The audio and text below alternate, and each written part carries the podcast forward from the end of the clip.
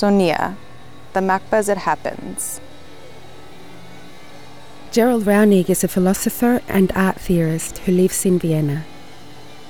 Drawing on and extending the theories of Foucault, Hardt, Negri, Adorno, Deleuze, and Guattari, amongst others, his work addresses the history of revolutionary and resistance movements and the role of art in social struggles, or, as he puts it, the concatenation of art and revolution over the last two centuries.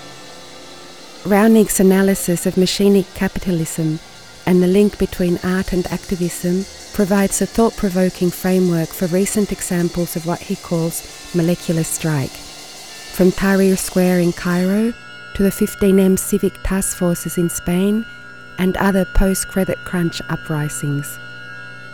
Sonia talks to Gerald Raunig about molecular revolution, philosophical activism, and the differences and similarities between recent social movements and those of the late 1960s.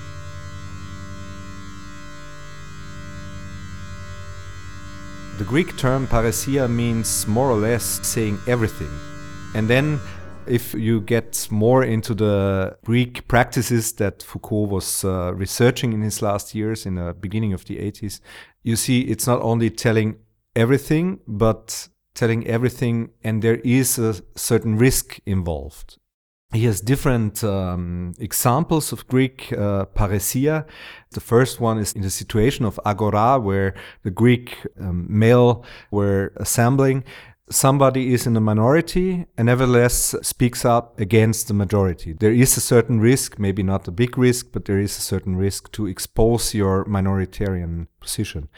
Uh, second idea of parrhesia, and there it comes to the cynics. The cynic philosophers standing in the midst of uh, the public space and exposing themselves sometimes in nakedness, sometimes even masturbating, and attacking the people for ethical reasons. And it becomes maybe uh, clearer why I have this uh, parallel between the ancient cynic philosophers and the occupation movements. Also, there it is about taking a risk and it's about a certain form of public space. I don't believe that it's really a public space, but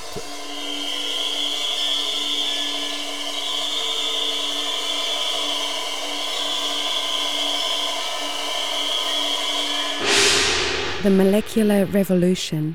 There is this uh, dualism, I would call it opposition even, between molar and molecular.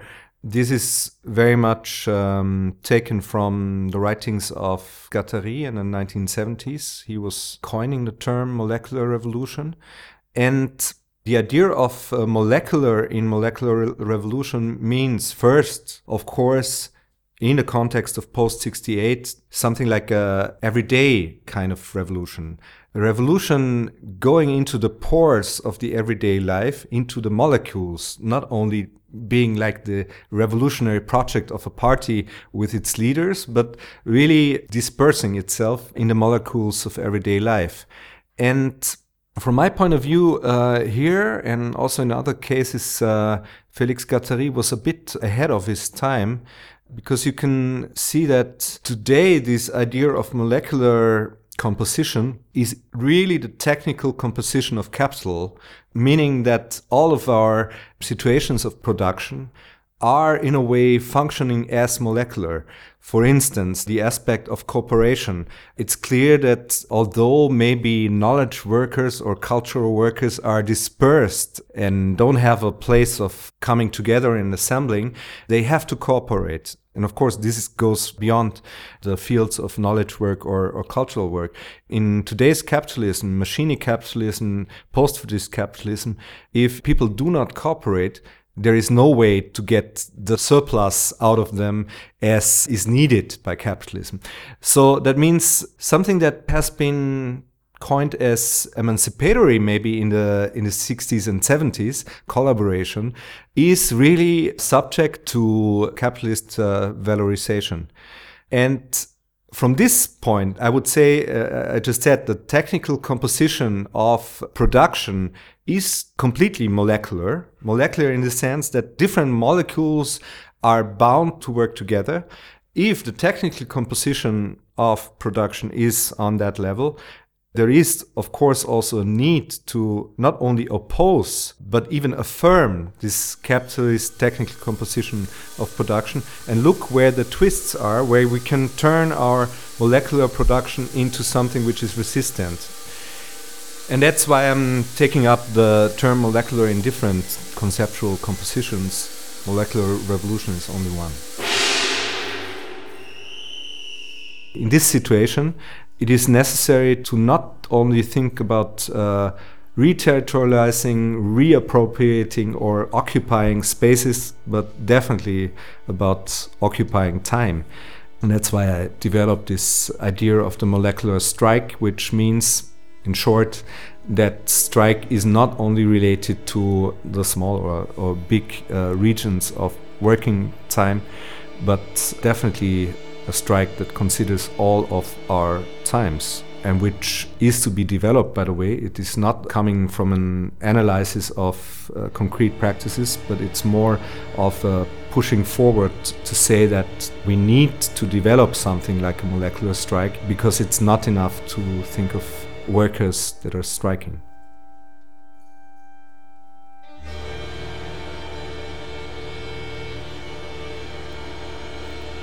the practice of multiplicity.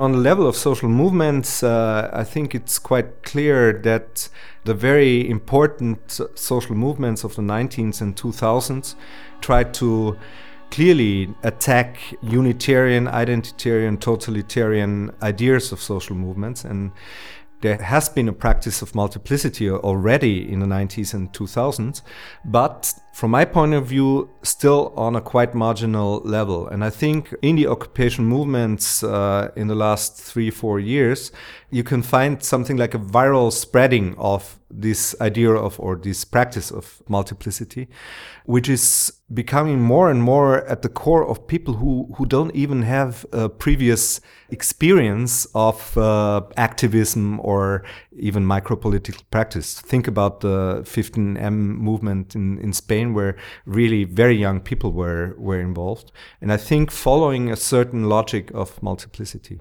Resistance is primary. The experience of the precarious bodies on the streets and on the, on the squares will not be forgotten.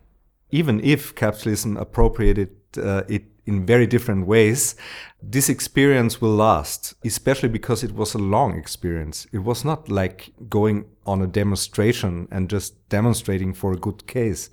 So there is a embodied experience that uh, the people involved will not forget. And these are young people and these are masses of people. It's not a small crowd of uh, a cast of uh, a caterer or whatever. And of course, every form of interesting social movement or social practice is in danger or will be appropriated by capitalism. If it will not be appropriated, that means that this practice is not really interesting. So I'm rather cool about this repeated movement of appropriation. The second thing is the whole post structuralist idea that I uh, affirm that resistance is primary meaning there is a certain time gap between the invention of a new resistant practice and the appropriation. Capitalism is secondary. It's really kind of sucking the creativity of uh, the social struggles. That's an old fact. And I think we can use this, uh, this aspect that there is a certain gap between invention and appropriation as long as we are on the terrain of capitalism, and this is going to be maybe our lifetime, I don't know, hopefully not, but uh, as long as we are on this terrain of capitalism, we have to cope with the fact of appropriation.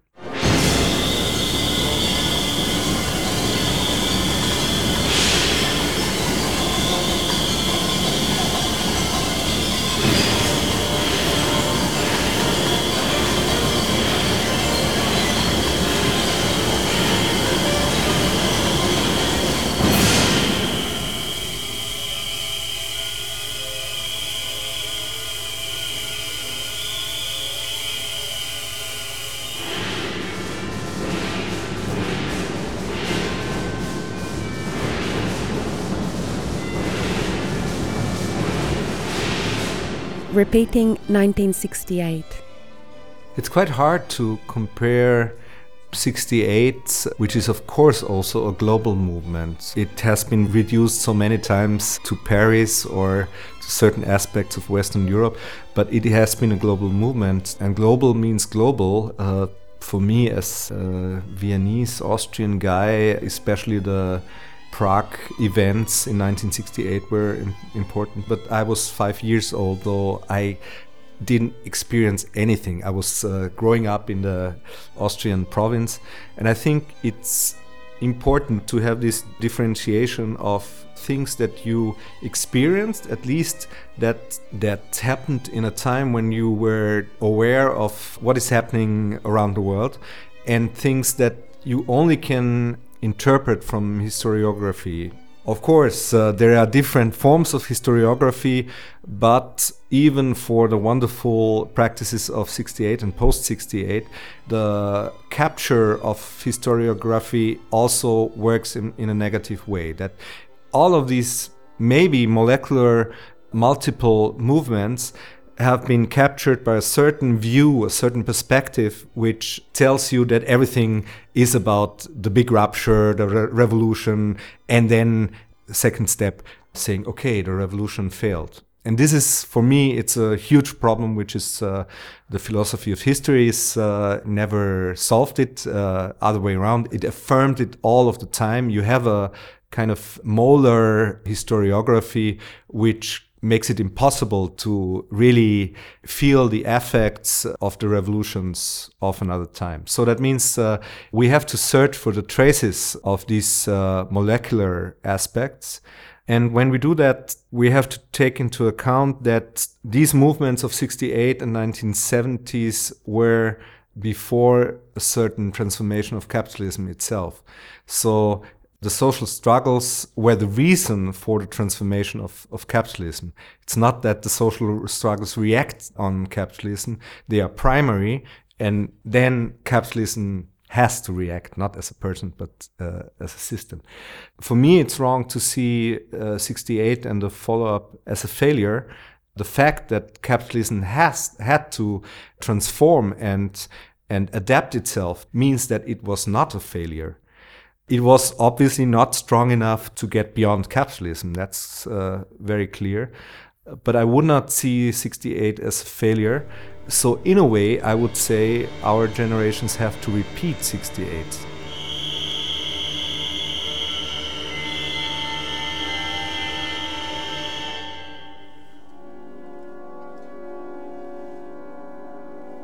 Archiving social struggles I don't like at all any techno determinism saying that uh, because of the development of the internet, of uh, social media, because of that, social movements uh, have spread or whatever. I think it's an overlap, a blurring of both of these media aspects, which are also aspects of production. In a way, we are talking about uh, ourselves at the moment.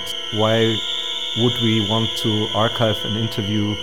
So this is a very self-reflexive question. It's not only about the movements, uh, live streaming and, and archiving everything. My point of view is quite specific here. I'm trying to not agree or always using this Bartleby term. I prefer not to be uh, taped on video in situations, in live situations, where for me there is a difference between the lively discussion and the eternal archive where can see the protagonists uh, as kind of very fixed identities then. So that's why I'm, I'm refusing to be taped on video as much as I can. It's not always possible. And then the most interesting thing is, for me is to discuss that with the organizers or uh, especially with the people who are doing the video. So for me, this, this question is a very specific question where I'm trying to push forward a certain consciousness of or reflection about what we are doing when we are archiving ourselves. And that starts with the whole problem of social narcissism in Facebook. It's a mixture of narcissism and of the necessity to be, to share, and to be um, in this social media because otherwise uh, you could have damages in your career even if you're not transparent uh, enough and my main point here as well as my own practice is just to push people to reflect what they are doing or we are doing. Because i think it's as you said it's quite a, a problematic point of view just to archive everything as a fetish of archiving